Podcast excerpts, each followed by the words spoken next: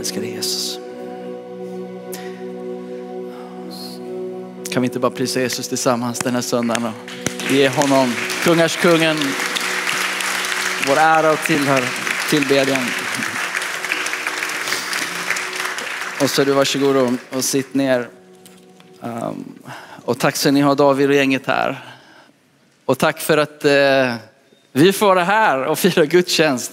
Eh, ärligt talat, plötsligt så känns det ju som att eh, ingen tid har gått. När man stiger in i Guds närvaro och i Guds helighet och närvaro. Då är det väldigt mycket annat som, som rinner av, eller hur? Det är liksom, um, vi är ett folk, vi är en familj, vi tillhör varandra nu och för evigt. Ibland bråkar vi, ibland är vi inte snälla mot varandra, men vi förlåter varandra så får vi gå vidare, eller hur? Det är så vi gör i familj. Jag, jag tänkte på um, min älskade bror som omnämndes här, som var pastor innan här. Eh, det var en tid då inte jag kände så. Eh, men då var jag ganska liten och han också. Vi växte upp som syskon uppenbarligen. Eh, och det fanns en tid när han flyttade hemifrån. Och det var ju jätteskönt. På riktigt. Jag vet inte om du ser det här Jakob. Men idag är han en av mina bästa vänner. Eller Vi har fått tjäna ihop, vi har gjort så mycket ihop. Eh, men det finns olika tider, olika stunder. Eller hur? Och, eh, eh, innan jag läser, går in i ordet, jag ska försöka hålla mina minuter så vi får tid för allt annat. Men jag vill ändå säga från mitt håll, nej, eller jag säga så här först, att för, för 15 år sedan, juni 2008, så tror jag att anställningen började här i Citykyrkan under 2007 så började vi gå här, jag och Therese. Eh, så det är de här 15 plus åren. Ehm, och eh, det finns så mycket som Mildred har rört vid och mycket annat som vi är så tacksamma för, som vi vill fira idag och bara minnas. Eh, och så samtidigt så vill jag säga att jag är uppriktigt ledsen och um, inför församlingen att vi som ledarskap inte lyckades riktigt ta det här dit vi önskade. Eh, jag vet inte hur jag ska säga det här och jag talar inte för någon annan eller kanske jag gör, jag vet inte. Men det är inte ett uppdrag jag har fått. Utan jag bara vill säga att till församlingen, förlåt oss. Eh, för vi failade, vi misslyckades med det. Ehm, och eh, att det inte ska sätta sig eh, i dig eller eh, liksom våga lita på ledarskap oavsett om vi failar ibland. Um, Okej, okay, så jag, jag ber om förlåtelse för det som varit min del i det och jag var föreståndare så jag har en stor del i det, naturligtvis. Inga detaljer ska vi inte prata om, men att inte fienden får liksom knixa till det, vrida till det mer än han redan har försökt. Det finns det som är mänskligt i det här, det finns det som är fienden i det här och det som är Gud i det här. Och jag tänker att, vad gör Gud nu? Hur använder han det smärtsamma, det jobbiga till våra hjärtans renhet, våra hjärtans ödmjukhet förhoppningsvis. Vi kanske har lärt oss någonting, vi kan få gå vidare. Och sen vill jag också säga uppriktigt förlåt till er som har kommit i kläm under mitt ledarskap. Um, under mitt driv och min övertygelse. Jag fattar att jag inte är lätt alltid. Um, och det har inte varit lätt och en del har tagit stryk. Och jag vill säga förlåt från mig och Therese eh, eh, för det. Eh, de saker som jag vet om har jag försökt att be om förlåtelse för, men det finns så mycket som man inte vet och så många som har påverkats av det här i första, och andra, tredje led. Och jag ber att Gud skulle komma in där och läka det, hela det eh, i våra hjärtan och i era hjärtan.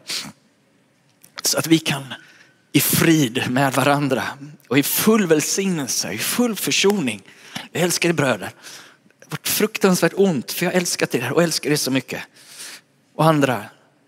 Men det hör till sakens natur att ju djupare vi älskar desto mer kan vi bli sårade, eller hur?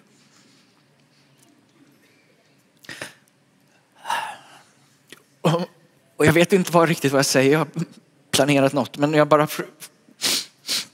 freebasar lite. Um, och jag är som jag är och jag gråter och jag är sån. Och ni vet det, och jag kramas och jag är sån. Det är mycket andra saker som är också här, som inte är lika vackra. Men ni får ta mig på resan och jag ber om nåd och jag ber om förlåtelse. Okay? Jag vill inte göra det som ett skäl för att fortsätta vara likadan, men jag vill göra det till ett skäl så att vi kan leva nära varandra. Um, för stan, Stockholm, Sverige behöver evangelium, behöver nåd, behöver höra nådens evangelium, behöver höra det från människor som inte bråkar, som lever i försoning, eller hur? Vi är inte perfekta här, du är ny i kyrkan, du ser, vi, vi, är, vi är vad vi är. Men vi förlitar oss på henne och det är han som kan ge nåd och åternåd. Det är han som kan ta, ta med oss på sin resa igen. Han kommer med nåd och sanning. Och han sätter oss fria. Ja, jag behövde få bara lätta mitt hjärta innan jag kan stå här.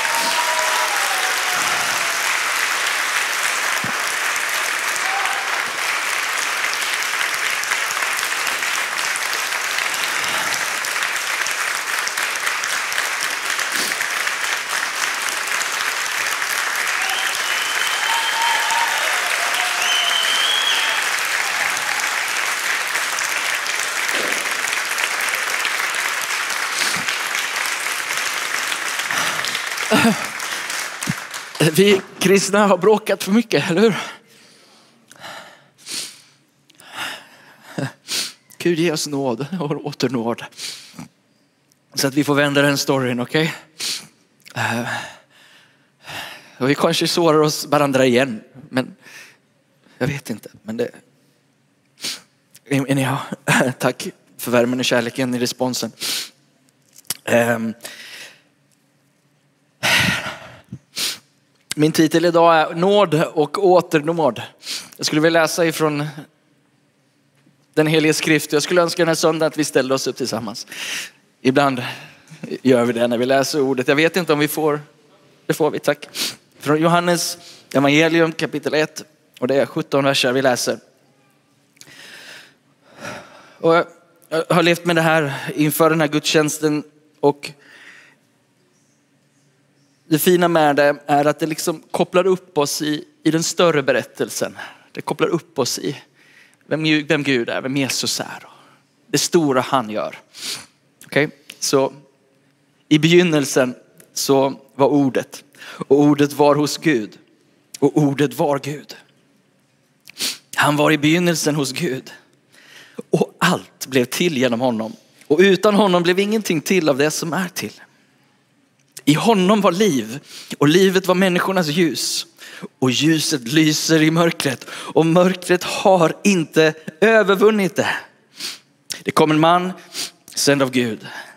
Hans namn var Johannes. Han kom som ett vittne för att vittna om ljuset för att alla skulle kunna, alla skulle komma till tro genom honom.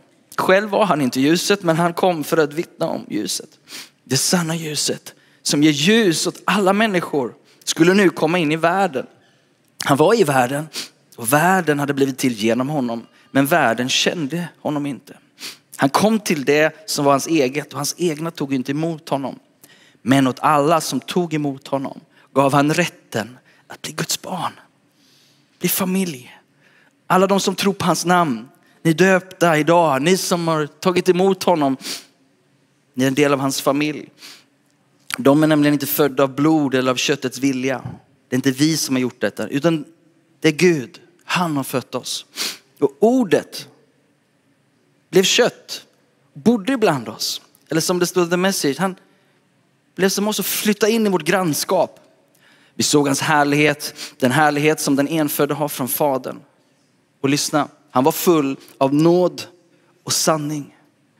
Johannes vittnar om honom och ropar. Det var om honom jag sa, han som kommer efter mig, före mig, för han var till före mig.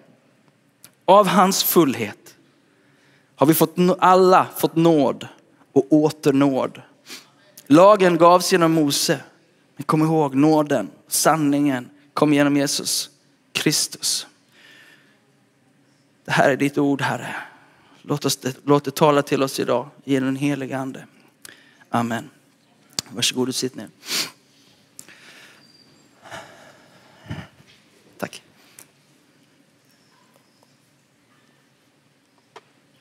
Så vi dras med i den stora berättelsen av Gud som stiger in i världshistorien.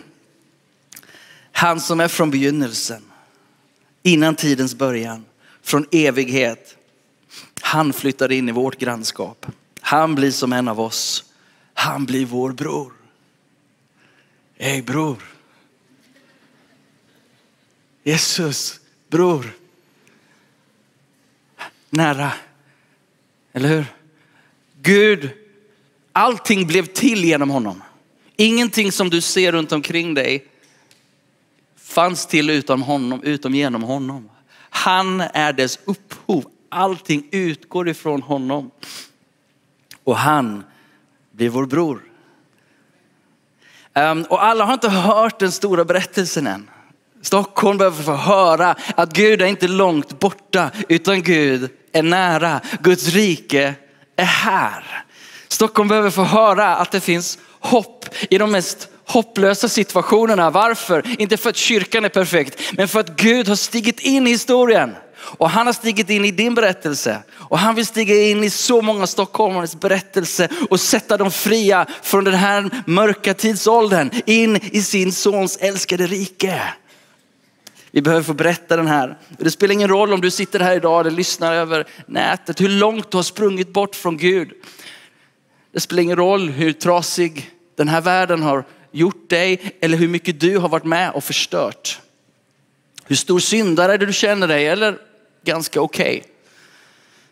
Vägen står öppen tillbaka hem till Gud. Du behöver inte göra den här seglatsen ensam. Du behöver inte leva i det här mörkret ensam. Du behöver inte fixa det själv. För vi tror på en Gud som har stigit in i vår berättelse. Och han frågar, vill du följa mig tillbaka hem till Gud?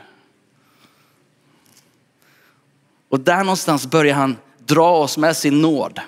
För det är ett verk som fungerar så här att Gud börjar redan väcka ditt och mitt hjärta att komma hem. Och så är vi där ute i mörkret någonstans och så börjar själen, ropet efter hem, efter tillbaka, att komma tillbaka till pappa Gud. Och så möter Jesus dig på vägen och leder dig hem. Nåd, åter nåd. Han tar dig på den här krokiga stigen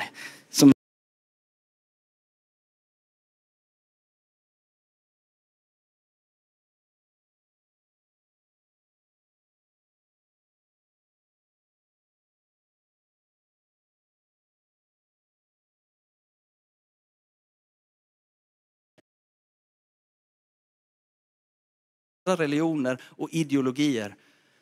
Nåd. Icke förtjänt. Vi kan inte jobba oss in i det. Vi kan bara ta emot det. Och det är det som är så provocerande för våra hjärtan. Att du kan inte förtjäna dig nåden. Den är per definition oförtjänt. Den är dig given som gåva. Det enda du och jag kan göra är att ta emot den. Och i den stunden du tar emot den nåden, då händer någonting med ditt hjärta. Det händer någonting med ditt inre. Bibeln säger att du blir född på nytt och du får nytt liv igen. Nåden greppar ditt hjärta på ett sånt sätt så att nu måste du inte och bör inte göra rätt. Men du vill göra rätt. Det finns någonting på insidan som längtar efter rättfärdighet, renhet, kärlek och godhet.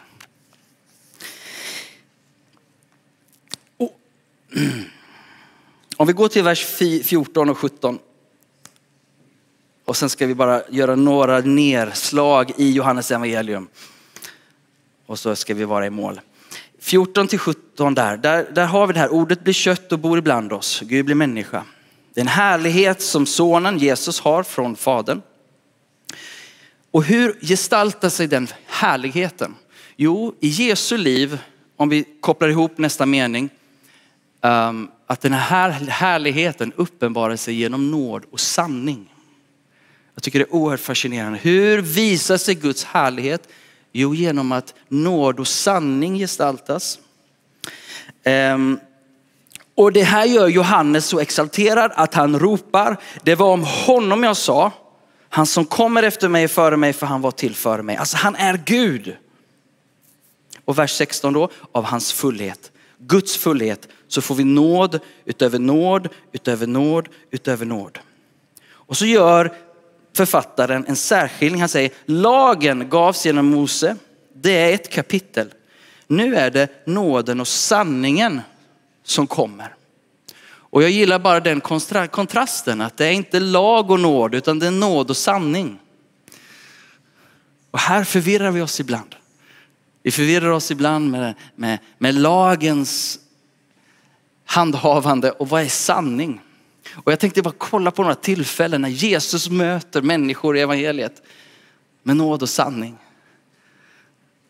Får jag påminna oss om några berättelser. För lagen den binder oss vid straffet, den binder oss till att vara skyldiga. Men sanningen och nåden frigör oss för att vara de vi är skapade att vara. Att sanningen gör oss sant fria. Lagen kan aldrig nå det målet.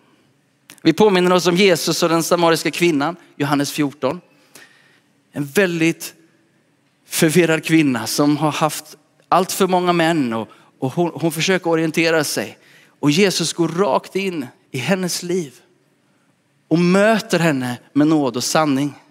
Mötet med den förkroppsligade nåden och sanningen gör att hennes liv gör en fullständig turnaround. Inte för att han är där med pekpinnarna utan han är där med nåd och sanning. Han igenkänner, han bekräftar, han når hennes längtan att få vara en tillbedjare. Hon blir så exalterad att hon går till hela sin stad och berättar, jag har funnit honom. Nåden frigör en sån exaltation i henne att alla måste höra. Om vi går till i Johannes 5 så botar Jesus en man vid Betesda. I 38 år av misär, ingen har sett honom, ingen har mött honom. Han kan inte ta sig till sjukhuset eller liksom till lindring av smärtan. Men Jesus söker upp honom och ger honom nåd utöver nåd. Och han får uppleva ett nytt liv tillsammans med Jesus. Jesus äktenskapsbryterskan i kapitel 8. Lagen var supertydlig här. De skulle stena henne. Hon var skyldig. Men Jesus kommer med nåd och sanning och talar djupare in i berättelsen och säger inte gäller jag dömer dig. Gå och synda inte mer. Lev i den nya identiteten. Låt nåden få ta dig in i ett helt nytt sätt att leva. Mötet med Jesus gör det med oss. I Johannes 9 så botar Jesus en blindfödd på sabbaten. Jesus bryter stadgarna, lagarna för att göra en välgärning. Nej, förlåt mig, nu är jag lite före mig här. I Johannes 9 så, så möter Jesus den här blindfödde och lärjungarna undrar, vem i hela världen är det som har syndat? Är det han som har syndat? Är det föräldrarna som har syndat? Vem är det som har ställt till med det här eländet? Stackars Krakes blir anklagad för att vara syndare, född blind. Ja, eländigt barn i magen liksom. Men lärjungarna orienterar sig efter vem är det som har gjort fel här? Vem är det som är skyldig? Jesus går in med nåd och sanning och frigör hela den situationen. Säger nej, det har inte med det att göra. Det har med vad Gud gör just nu. Jesus var full av nåd och åter nåd. Han botar honom. Vidare sen så tvättar han lärjungarnas fötter. Johannes 13. Han tvättar Judas fötter. Han tvättar han som ska förråda honom och ta honom till korset. Vad är det för typ av nåd? Vad är det för typ av hållning? Hur, hur i hela världen? Det är något helt annat, eller hur? Han möter Thomas tvivlaren i Johannes 20. Och han låter Thomas få röra vid honom. Tvivlet hade skymt blicken. Han såg inte den uppståndne Jesus. Han såg inte Guds löften. Han såg den, han kunde inte få det målat för sig. Men Jesus stiger in i tvivlarens berättelse. Så ta på mig, rör vid mig, ser du att jag är uppstånden. Och den är Thomas, tvivlaren, tar evangeliet enligt berättelsen ända till Indien. Jag vet inte om Anita är här idag. Michael. Hej Anita! Jag tror det var du som berättade för mig om Thomas så passionerat. Anita är från Indien. Och hur de under och tecken och mirakler som den här tvivlaren får vara med om efter att ha mött en uppstånden Jesus full av nåd och åter nåd. För Jesus möter inte honom och korrigerar hur i hela världen och så vidare, utan ta på mig, rör vid mig. Och det gav honom kraft, precis som den samariska kvinnan, att berätta för en hel stad. Thomas, han kuta hela vägen till Indien.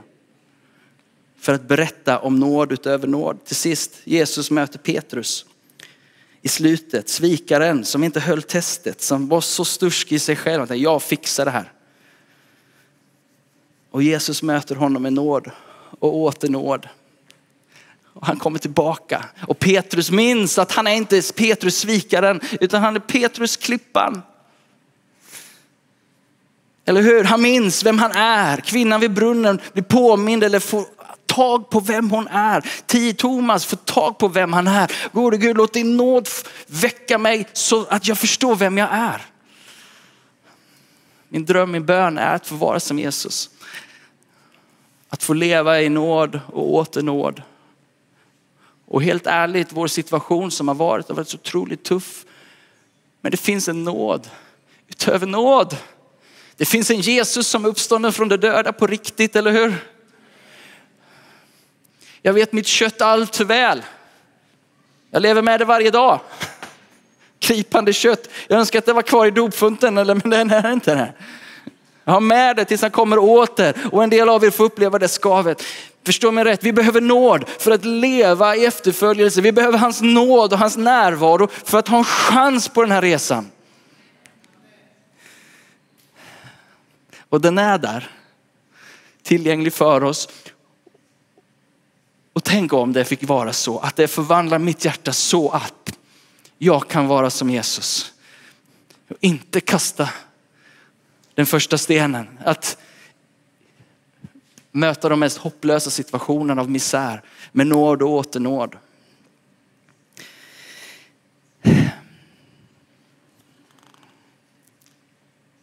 Vi kanske känner igen oss i berättelserna och vi undrar, vem är det som har syndat egentligen? Vem har rätt och vem har fel? Vi undrar, hur länge ska vi ligga här och ha den här misären? Vi kanske skäms, vi grämer oss. Vi anklagar oss själva och andra. Vi tvivlar, vi förråder och vi sviker. Men Jesus ger nåd och åternåd. Han stiger in i berättelsen och han påminner dig om vem du är. Nåd och sanning. Sanning kommer inte där för att säga att se hur fel du hade, utan tänker jag påminna dig vem du, vem du verkligen är.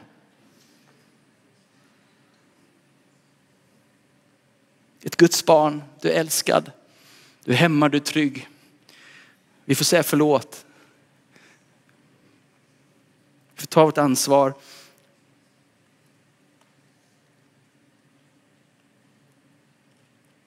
Men hans nåd gör någonting med oss.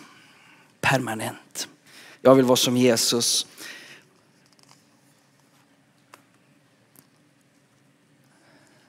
Och jag tror att du också längtar efter det. Kan vi göra så att vi står upp tillsammans och lovsångarna kommer fram.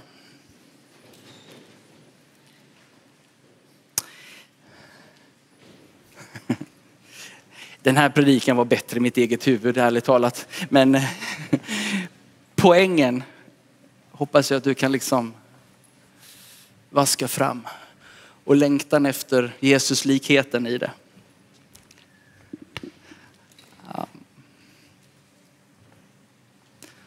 Behovet av nåd. Jag tänker att den som djupt fått möta hans nåd kan också vara med och ge den vidare. Så kan vi börja bara där be innan jag ska be Alfred ta vidare här. Du som känner ett behov av att få genomströmmas av hans nåd den här söndagen. Du får gärna bara lyfta dina händer framför dig. Så vill jag be en bön.